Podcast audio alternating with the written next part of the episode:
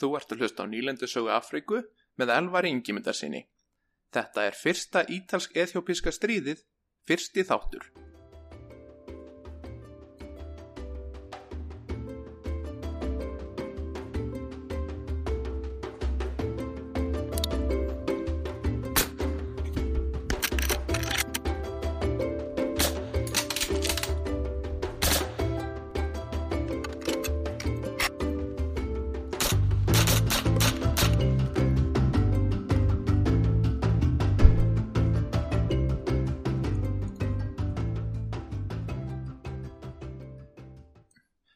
Fyrsta ítalsk-eþjópiska stríðið hófst 1895 og laug 1896.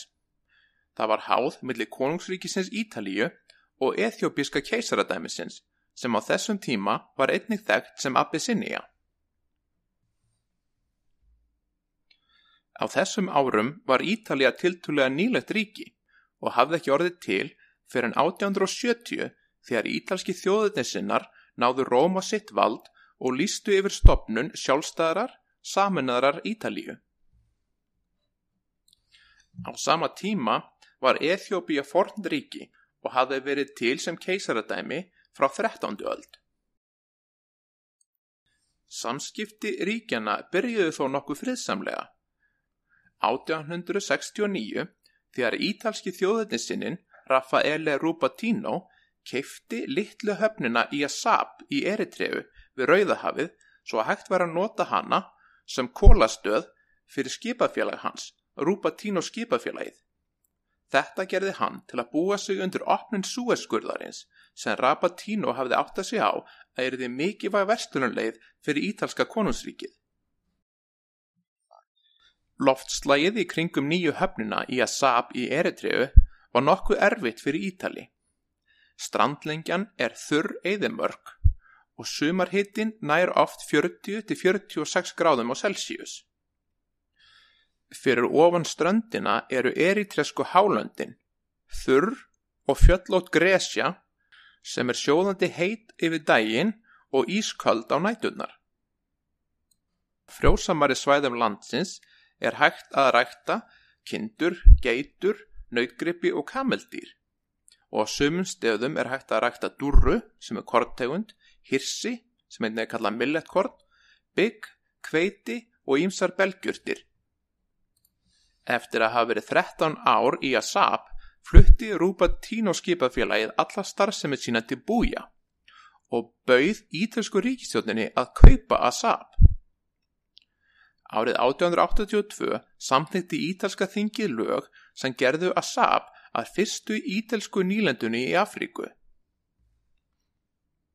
Á þessum árum ríkti töluverð pólitísk óreiða í norðaustur Afríku. Egipski landstjórin Ismail Pasha hafði reynt að stækka Egiptaland með því að innlima Sútan og Eritreu inn í Egiptaland. Innrásar áallanir hans fóru um þúfur þegar Íslamistinn Muhammed Ahmad gerði upprest í Sútan og sapnaði um sig stórum herr sem kallaði hann Mati og taldi hann vera frelsara afrískra muslima. Matistatnir, eins og þeir voru kallaðir, lögðu undir sig Sútan og stóran hluta af Eritreu og stopnuðu þar með stórt ríki sem náði frá mið-Afríku til Rauðahafsins. Árið 1882 varð Egiptaland gjaldtróta og gati ekki greitt tilbaka stór lán sem það hafði tekið í breskum og frönskum böngum. Breski herin gerði þá innrás í landið og koma fót leppstjórn sem lofaði að borga öll evrósk lán tilbaka. Hinn nýja gjaldtróta egiska ríkistjórn neittist til að yfirgefa hermenn sína sem enn heldu nokkrum virkjum og borgum í Eritreu á strönd Rauðahafsins. Öflugasta víið sem Egiptar heldu enn í Eritreu var hafnaborgin Massava.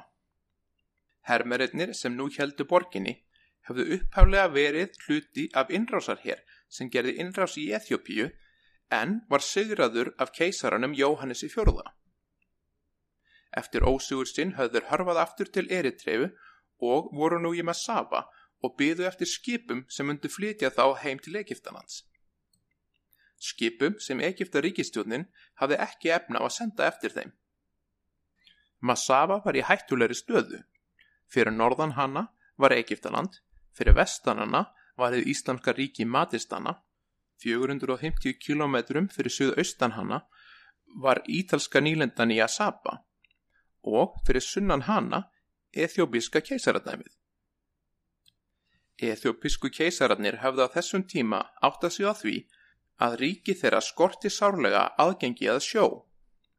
Ef Eþjóbíska keisaradæmið gæti tryggt sér aðgengi að sjó og góðri skipahöfn gæti það flutt inn nývopp og tæki frá Evrópu.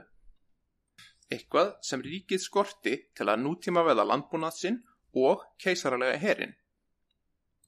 Nú þegar egypski herin var að yfirgefa Massawa sá Jóhannes fjörði sér leika borði til að sækja í norður og tryggja sér höfnuna sem ríki hans skorti svo sárlega. Bretar óttuðust það að frakkar getur tryggt sér yfir að því eritriðu nú þegar Egiptar væri á förum og kvöttu því Eþjópiumenn til að herrtaka virkin í söður eritriðu sem Egiptar voru að yfirgefa. Árið 1884 skrifuðu breytar og eþjópíumenn síðan undir Hjúets sáttmálan sem er einnig kallaður sáttmálinn frá Adva. Sankvæmt sáttmálanum er þið Massawa opin höfn fyrir eþjópíska keisaradæmið en þið ekki hersettinn af nokkuri þjóð. En breytar voru ennþá hrettur um að frakkar myndu herrtaka höfnina og þeir ákvaða því að svíkja Hjúets sáttmálan og hvetja ítalska konustæmið til að herrtaka Massawa. Fyrir þetta nýlendu æfintir í Afriku bjó Ítalska ríkið til Corpo Speciale per la Africa eða sérstöku stórdeldina fyrir Afriku. Stórdeldin hertog Massawa 5. februar 1885. Ítölum fannst þó ekki nóg að halda tveimur einangruðum hafnaborgum í Eritref og ákvaða því að leggja undir sig landsvæðið í kringum borginnar og gera eritregu alla að ítalskri nýlendu. Þessi nýja stefna var klart brot á hjúetsáttmálanum og þegar ítalskar hersveitir byrjuði að fegra sig frá borgonum rákust þær á eþjúbískar hersveitir. Undir stjórn landstjórans Alula Engita sem aði herrtrekið virkin í söður eritregu sem Egiptar höfðu yfirgefið. Til að verja Massawa ákváðu Ítalir að byggja virki í bænum Sahati sem er 24 km fyrir vestan Massawa. Þetta taldi Alula Angita vera klárlega augrun við yfirráð eþjábíumanna og án þess að ráðfærast við keisaran gerði hann árás á virkið í Sahati í januar 1887. Í virkinu vorum 150 til 200 ítalir og nokkur hundru eritröðumenn sem hefðu gengið í lið með ítölum. Ítalir og bandamenn þeirra náða verjast fyrstu árásinni en ítalski fóringin ótaðist að Eþjópiu menn myndu koma sér fyrir milli hans og Massawa og komið vekk fyrir hann geti hörfað. Hann sendi því skilabóð til Massawa og óskaði eftir liðsauka.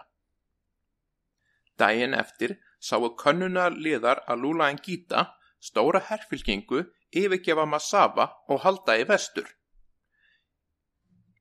Í fylkingunni voru um 550 hermenn, bæði Ítalir og Askarir, en Askarar voru afrískir hermenn sem hefði verið þjálfaðar af Ítölum og voru þjálfaðir og vopnaðir eins og venjulegt ítalst fókungulið.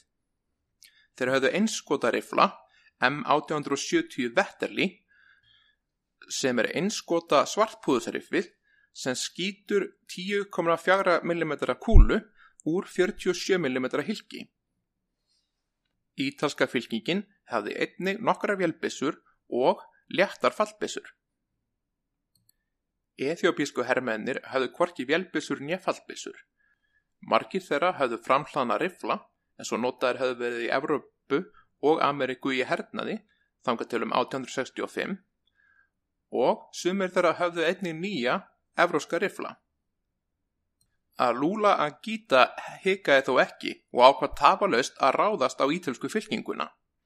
Hann hafði um 10.000 menn og við Dogali um miðja vegumillir Sahati og Massawa satt hann fyrir ítölsku fylkingunni. Eftir langan skoðbardaga voru ítalennir orðnir nána skotferðalausir og allar vélbissuna þeirra höfðu bilað. Eþjópíu menn gáttu þá gert einu loka sókn og splundrað ítölsku fylkingunni. Meir en 400 ítalir fjallu í bardaganum en Eþjópíu menn mistu um þúsund menn. Orustan við Dogali var fyrsta orustan milli ítalska og eþjópíska hersins og það voru ítalir sem fóru halloka. Alúla en Gíta fylgdi sigrunum ekki eftir. Þessi stað hörfaði hann frá strandlengjunni til eritresku hálandana. Þar koma sér fyrir í Asmara, stærstu borginni í eritresku hálundunum. Ósigurum við Dogali vakti mikla reyði á Ítalju og í júni 1887 samþykti ítalska þingið að senda 20.000 hermenni viðbót til nýlendunar nýju. Ítalir hófi einni viðræður við óvinni Jóhannesar fjörða keisara í Eþjópíu og vonuðist til að geta gert bandalag við einhverja af landstjórum hans gegn keisaranum. Einn af landstjórunum sem var tilbúin að hlusta á þá var Menelík, konungurinn af Sheva, sem er hérað í keisaradæminu. Hann var vinsæl leðtogi og lofaði því að taka ekki þátt í stríði Jóhannessar við Ítalina gegn því að fá ítalska rifla fyrir hermenn sína. Menelík var, líkt og Jóhannes fjörði, meðlumur í Sólómonsku keisaraættinni og þar sem Jóhannes fjörði hafði engan erfingja, hafði Menelík augastað á krúnu keisarans. Í janúar 1888 hafði tveimur stórfylgjum verið bætt við afrísku stordildina í Eritrefu og Jóhannes fjörði ótaðist nú að Ítalir getur gert innrás í norður Eþjóbíu. Hann sapnaði því saman stórum herr en þurft að hætta við innrásin í Eritrefu vegna ógnar úr vestri. Sú ógn kom frá matistónum í Sútan en Abdali ibn Muhammed, kallaður Khalifa, hafði tekið við af mati sem yfirmaður ríkisins. Hann hafði sapnað hersvöldun sínum á vesturlandamörum eþjópiska keisaradæmisins og hinn er kristnu eþjópiumenn óttuðus nú íslamska innrás. Keisarin leytti því hersin í vestur í staðin fyrir að halda norður til að berjast við Ítalinna. Innrásin fór Sútan hófst í janúar 1888. Sútanski herin sigraði eþjópiska sveit á landamærunum og rændi síðan vestunastæðin Gondar í norð-vestur Eþjópíu. Kirkjur voru brendar og íbúhadnir neftir í þrældóm. Keisaralegi herin var ekki nóg snöggur að bregðast við og það var því menjali konungur frá Sheva sem barðist við íslamistana. Hann sigraði þá í orustunni við Gúte Díli og þeir nettist til að harfa afturinn í Sútan.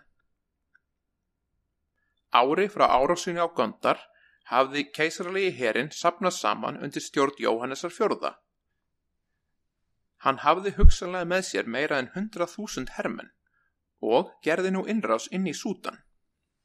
Ítalska leinithjónastan fyldist verið með ethiopíska hernum og áallaði að keisarin geti kallað á um það byrj 43.000 hermenn með framhlana rifla og um 28.000 hermenn með nýri rifla með boltalás sem voru mun nákvæmari og áraðanlegri heldur en framhlunuriflanir, auk þess að hafa mun meiri skotræða. Keisarlegi heri var því blanda að fókvöngulegði með rifla, líkt á evrósku herinnir, og með þeim menn með framhlaninga, spjótliðar og rittaralið. Flestir voru þessi menn lítið þjálfaðir og ekki atvinnuhermenn. Þeir voru flestir bændur sem hefði verið kallaðir til vopna, líkt og evróskir herir höfðu verið á miðöldum. Með þessum her sótti Jóhannes fjörði inn í Sútan þangað til hann komað bænum Gallabat sem Sútanir höfðu vikirt og búið um sig þar með 85.000 menn. Eþjópíumennir gerðu árás og tókst að brjótast í gegnum výlinur Sútana og valda miklu mannfalli meðal sútanska hersins. Þegar hann sá hermennsina brjótast inn í bæin, reið Jóhannes keisari fram til að hvetja þá áfram en þegar hann kom í færi yfir rifilskiptunar inn í bænum var hann skotinn tvísvar, einu sinni í handlegin og einu sinni í brjóskassan. Hann fjall nýður og var borin aftur til ethiopísku herbúðana. Áður en keisarin dó lísti hann því yfir að Rasmen Gesa, en Ras er titill í ethiopísku keisara fjölskyldunni sem mætti þýða sem hertogi. Hann lísti því yfir að Ras Mengesa, sonur mákonu hans, var í raun og veru sonur hans og því erfingi hans. Á meðan Jóhannes var að lýsa Ras Mengesa erfingja sinn, var ethiopíski herin að falla saman. Þegar keisarin fjall niður, misti herin allan baróttu anda og sútanir gerðu gagnárás og allir miklu mannfalli meðal Eþjópiumannana. Keisarlegi herin neittist því til að hörfa afturinn í Eþjópiu, en sútanir gáttu ekki eld þá þar sem þeir áttu vona því að breytar myndu gera innrás í sútan frá Egiptalandi mjög fljótlega og heldu því í norður. Bæði sútanir og Eþjópiumenn höfðu mist þúsundir hermana fyrir ekki neitt og báðar fylkingar slektu nú sár sín að meðan Eþjópiamenn voru uppteknir í Sútan hafði Antonio Baldissera undirhersuðingi tekið við stjórn ítalska hersins í Afríku. Hans fyrsta verk var að sækja í söður og rekja Ras Al-Gula en Gita og hermenn hans aftur til Eþjópíu. Eftir að hafa tekið nánast alla eritreu kom hann upp nýri varnalínu. Varnalínan tengdi saman þrjár ár í söður eritreu, Mareb, Belesa og Múna og var því kölluð Marabelesa Múna varnalínan. Núr þegar Eritrea var á þeirra valdi ákvaðu Ítalir að semja frið við Eþjóbíumenn og gerðu friðasáttmála við Menelik konunga Sjefa sem hafði tekið við krúnu keisarans og kallaðist nú Menelik annar, keisari af Eþjóbíu. Þetta var ekki fyrsti sáttmálinn sem Menelik gerði við Ítali. Fyrsti sáttmálinn, þar sem að þeir að taka ekki þáttinn ennum hernaði gegn þeim, hafði tryggt honum 5.000 Remington rifla sem voru vinsalir í bæði Evrópu og bandaríunum á þessum tíma og hjálpuðu honum stórlega að ná krúnunni. Hann skrifaði því undir Ukale-sáttmálan í mæ 1889, viðukendi ítölsk yfiráð yfir Eritrefu og lofaði vináttu og viðskiptum til landana tveggja. Í staðin viðukendu ítalir hann sem keisara Eþjóbíu. Ukale sáttmálinn var undirritaður í tveimur útgáfum, einni á ítölsku og einni á Amharic, einu af megin tungumálum Eþjóbíumanna. Kallin var sá að útgáfuna voru ekki alveg eins, sérstaklega ekki í 17. grein sáttmálans. Í Amharic útgáfinni stóð að Eþjóbíski keisarin gæti ef hann vildi á samskipti við önnur ríki í gefnum diplomata þjónustu Ítalíu. Í ítölsku útgáfinni stóð að keisarin yrði að eiga öll samskipti við Erlendríki í gegnum diplomata þjónustu Ítalíu. Ítalska útgáfan gerði keisana því að undirmanni ítalska þingsins og konungsins, eitthvað sem eþjóbíumenn gáttu ekki sætt sér við. En hvorugir aðlar áttuðu sér strax á því hvaða vandraðum 17. grein ætti eftir að valda síðar meir.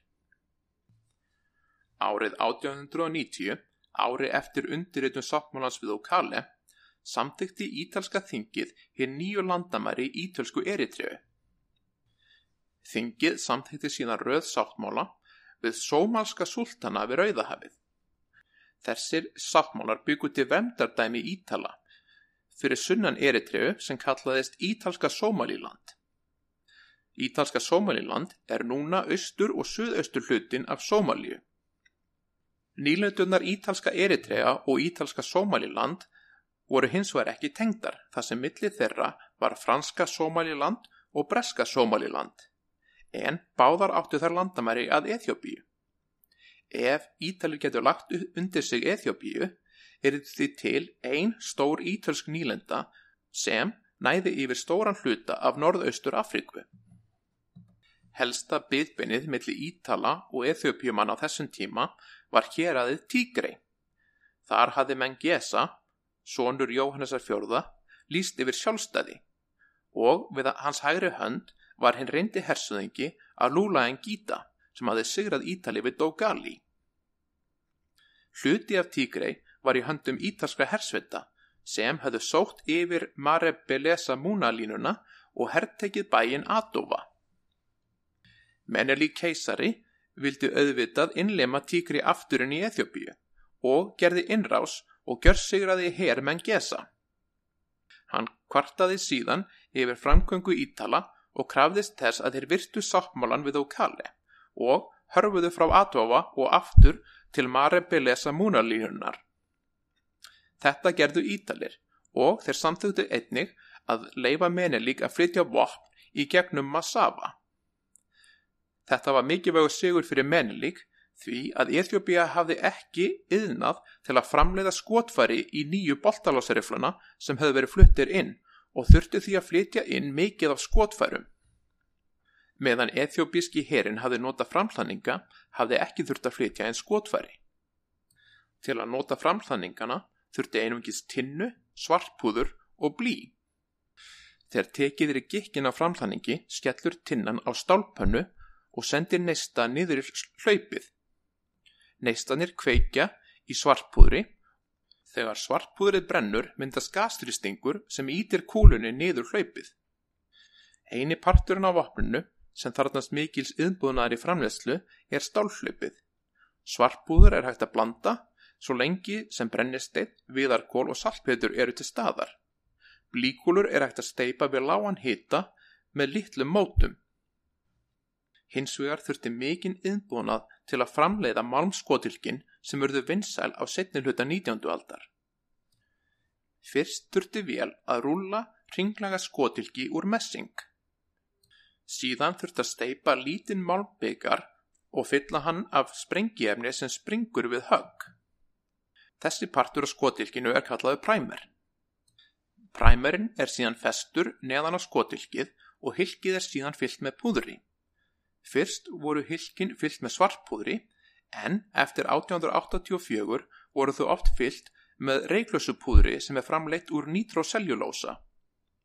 Þegar skotilkið er fullt af púðri er kúla úr blíi rekin ofan í það, það innsikla skotilkið.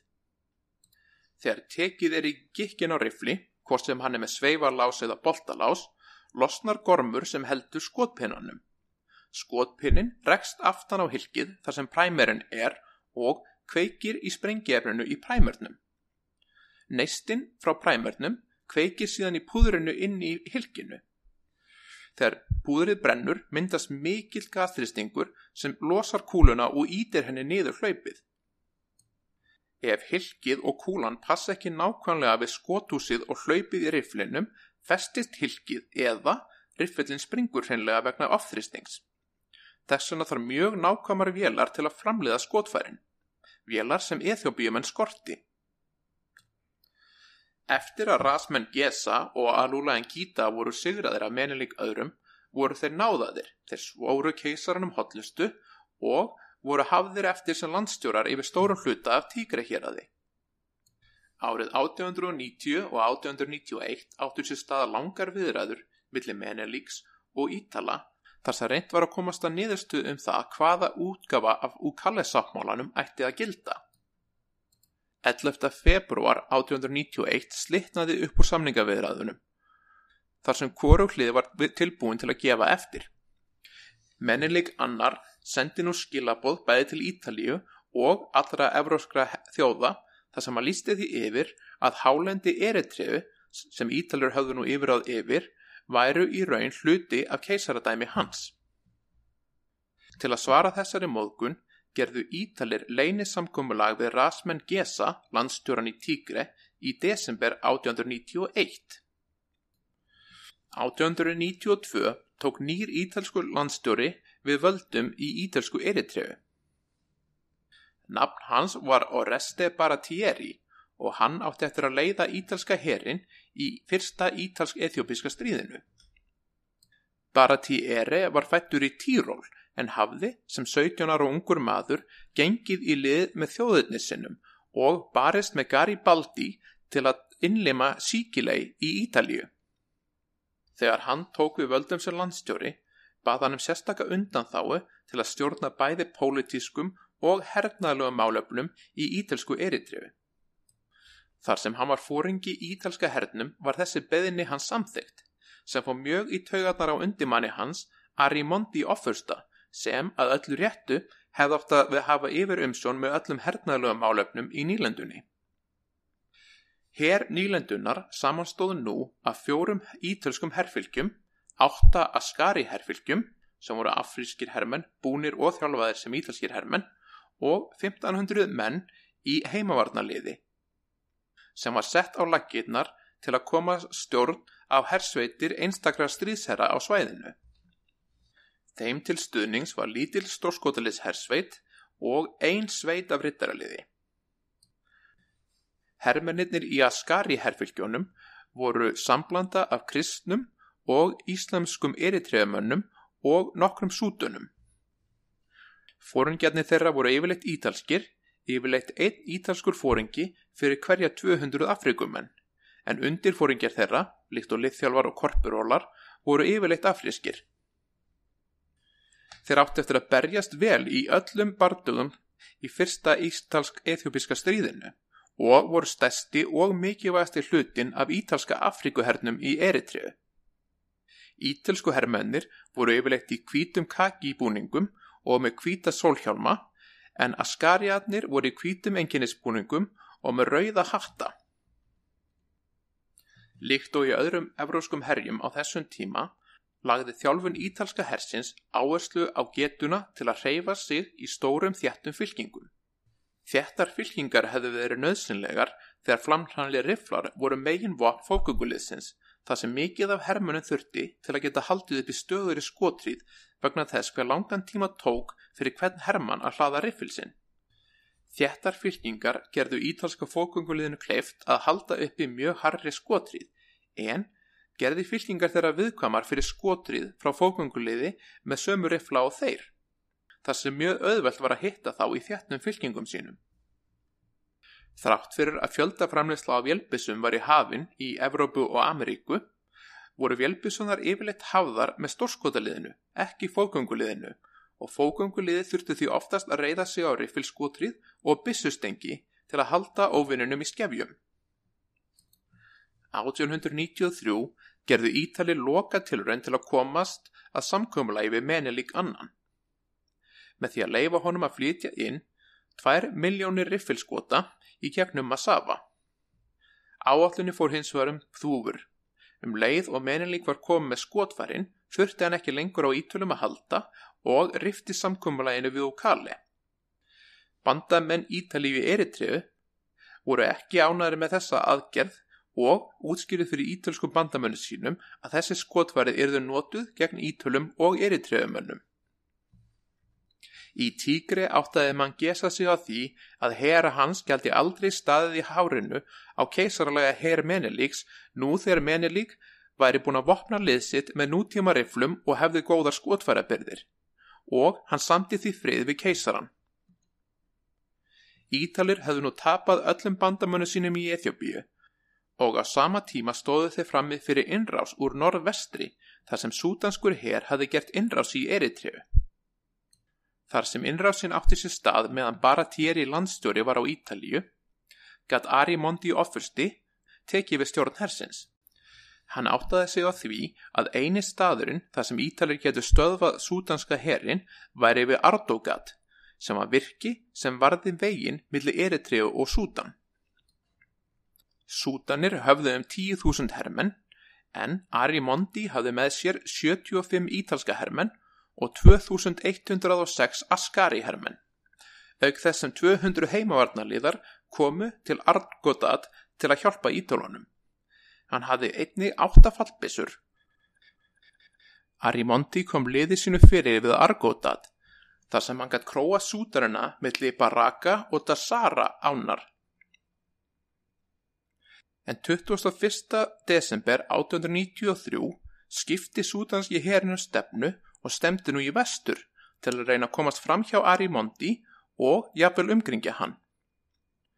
Þrátt verið að hafa mun minna lið á hvað Arimondi að það besta í stöðinu var að gera tafalust árás og hann skipaði hersfunduð sínum að marsera áfram og hefja skotrið á sútanina klukkan 11.30 um morgun. Cortese undir offisti leytir sóknina og fór með fjögur undirfylki yfir Damtæ ána.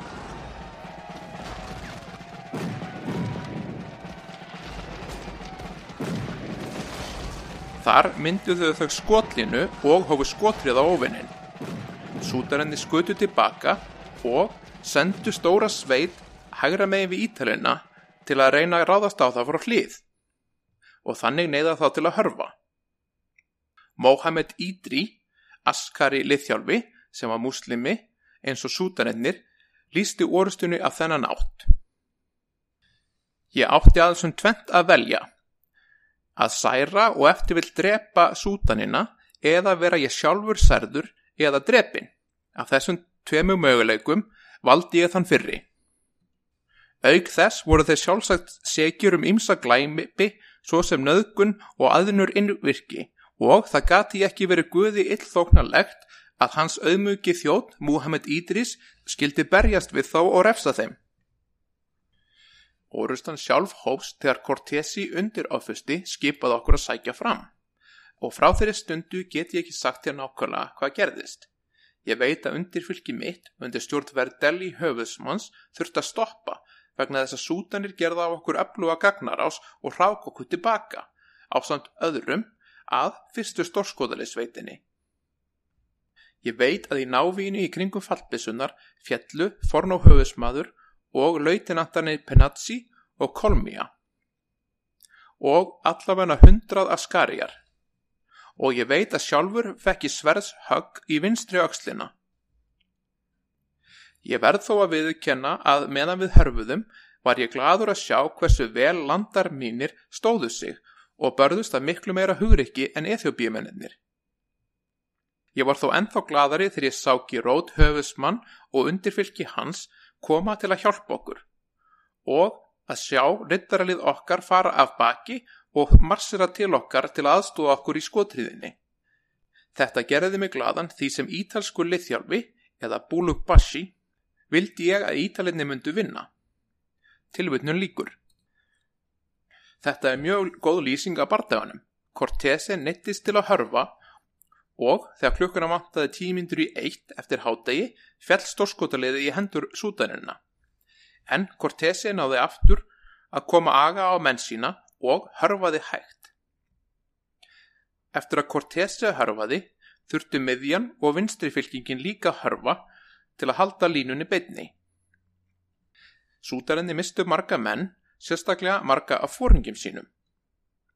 Þegar fóringjanir fjallu sljákkaði á sóknir sútanina og klukkan eitt sá Arimondi að nú var tækifæri til að ga gera gagnar ás. Hann ágað því að senda rittaraliðið og undirfylki undir stjórn Girót lautinans til að gera árás á hægri vagnum hjá Ítalónum. Ítalinni marsiruðu nú aftur yfir damtælækin og tóku stórskotaliði tilbaka. Smá saman sóttu Ítalir á hægra vinstra megin og í miðjunni og neittu sútanina til að hörfa að barka áni. Flótti brast á lið sútanina um klukkan 14.20 og Sigur Ítala var unnin. Sútanir hafði mist allavegna þúsund mennfallna og skildu eftir sig 72 fána jelbissu og 700 rifla. Ítalski herin var eins og var ofþreyttur til að elda þá og restinn af hernum komst í undan og aftur til sútan. Ítalir sjálfur hafðu mist 108 menn fallna og 235 menn serða. Amtsa Hassin, fókunguliði í öðru Askari herfylginu, fekk bissukúlu í hálsin við uppaf orustunar við Agordat en hjælt áfram að berjast þángu til hann var skotin í annað sinn í gagnarásunni og jáfnveil þá hjælt hann áfram að berjast þar til það leiði yfir hann og hann fjælt til jarðar. Eftir bardagan, meðan ítalski herrlagnirinn var að búa að honum, sagði hann í gríni. Amtsa, núna hefur þú tvo munna. Hinn særði maður svaraði þá þó hann geti varla talað. Þá þarf höfðsmaðurinn að gefa mér tvo mataskamta. Amtsa Hassin jafnaði sig og átti setna eftir að berjast í úrustunni við að, að dófa þar sem hann vann gullorðuna fyrir hugreiki. En hann bjargaði þá fóringja sínum Píni lautinant. Sem verðlaun fyrir sigurinn var Ari Mondi áfusti hækkaður í tegn og gerður að undirhersuðingja. En Ari Mondi fekk þó ekki lengi að stjórna ítalska hernum í Eritreu þar sem yfirmaður hans Baratieri, landstjóri og undirhersuðingi flýtti sér nú heim frá Róm.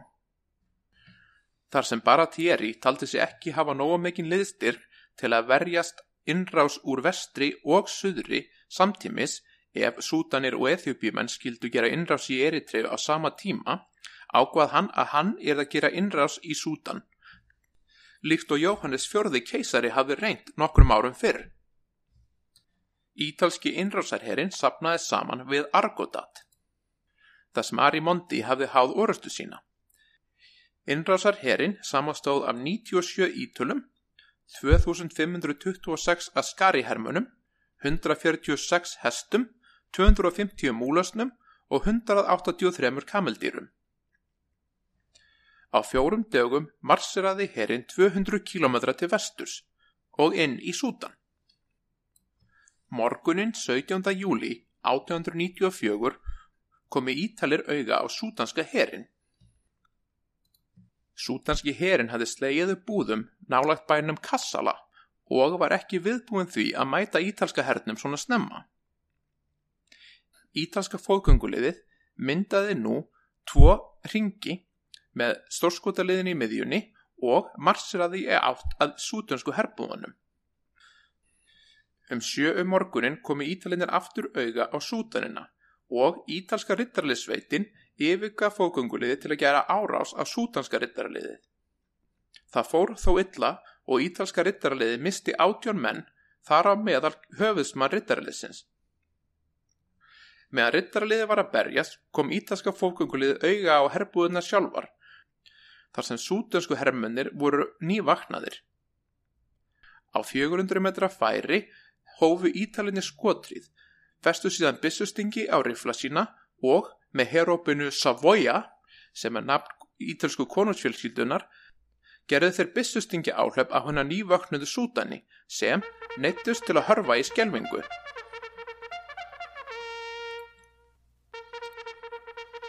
Klukkan nýju um morgunin voru bæði Kassala og herbúðir sútanska hersins í höndum Ítala. Sútanir höfðu mist um 2000 fóðgönguliða og 600 rittaraliða. En Ítalir höfðu mist 28 mennfallna og 41 serðan.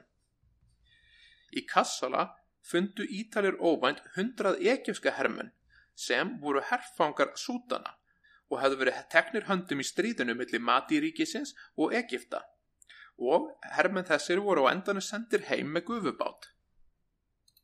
Ítalir byggðu stórt virki í Kassala og nefndu það eftir bara Thierry.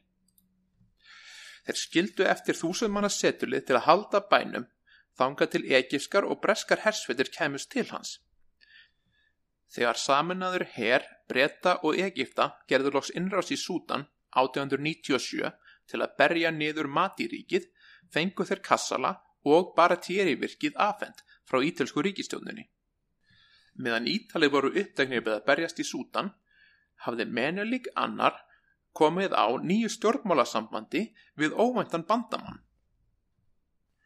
Árið 1894 fekk Menelik annar óvænta gesti.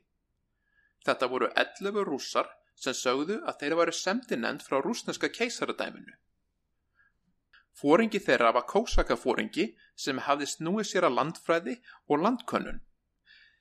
Nafn hans var Nikolai Stefanovic Ljóntjev.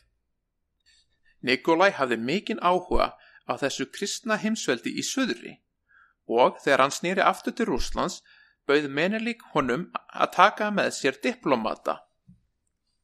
Heimsókn eþjópisku diplomatana til Rúslands tókst vel og Menelik bauð nú rússum að senda sér hernaðaraðstóð til að hjálpa honum að nútímavæða eþjópiska herin.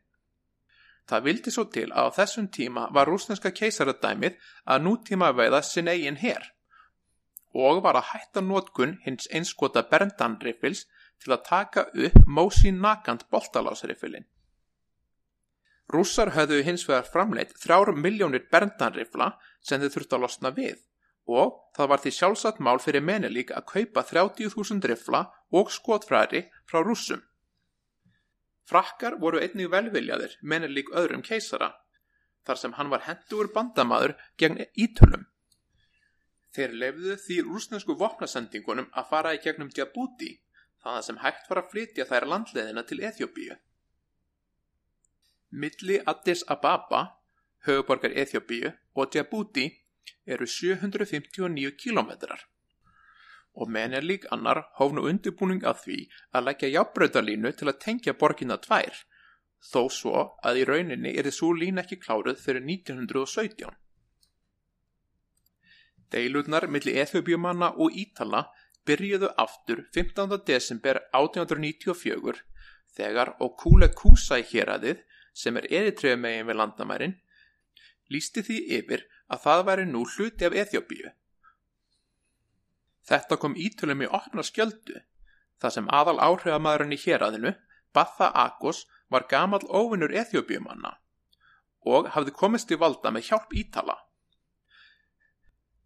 Nú saði Batha Akos hins vegar vera liðhóllur stuðningsmaður Rasman Gesa, landstjóra Tígrei héræðs. Þessir atburðir áttu eftir að leiða til átaka millir konungsríkisins Ítalíu og ethiopíska keisaradæmisins þar sem báðir aðalar kölluðu nú til heri sína til að verja og kúleku sæhjerað sem báðir töldu tilhera sér með réttu. Takk fyrir að hlusta á nýlendu sugu Afríku. Ég vona að þið hafið haft gaman að og við heyrumst í næsta þætti.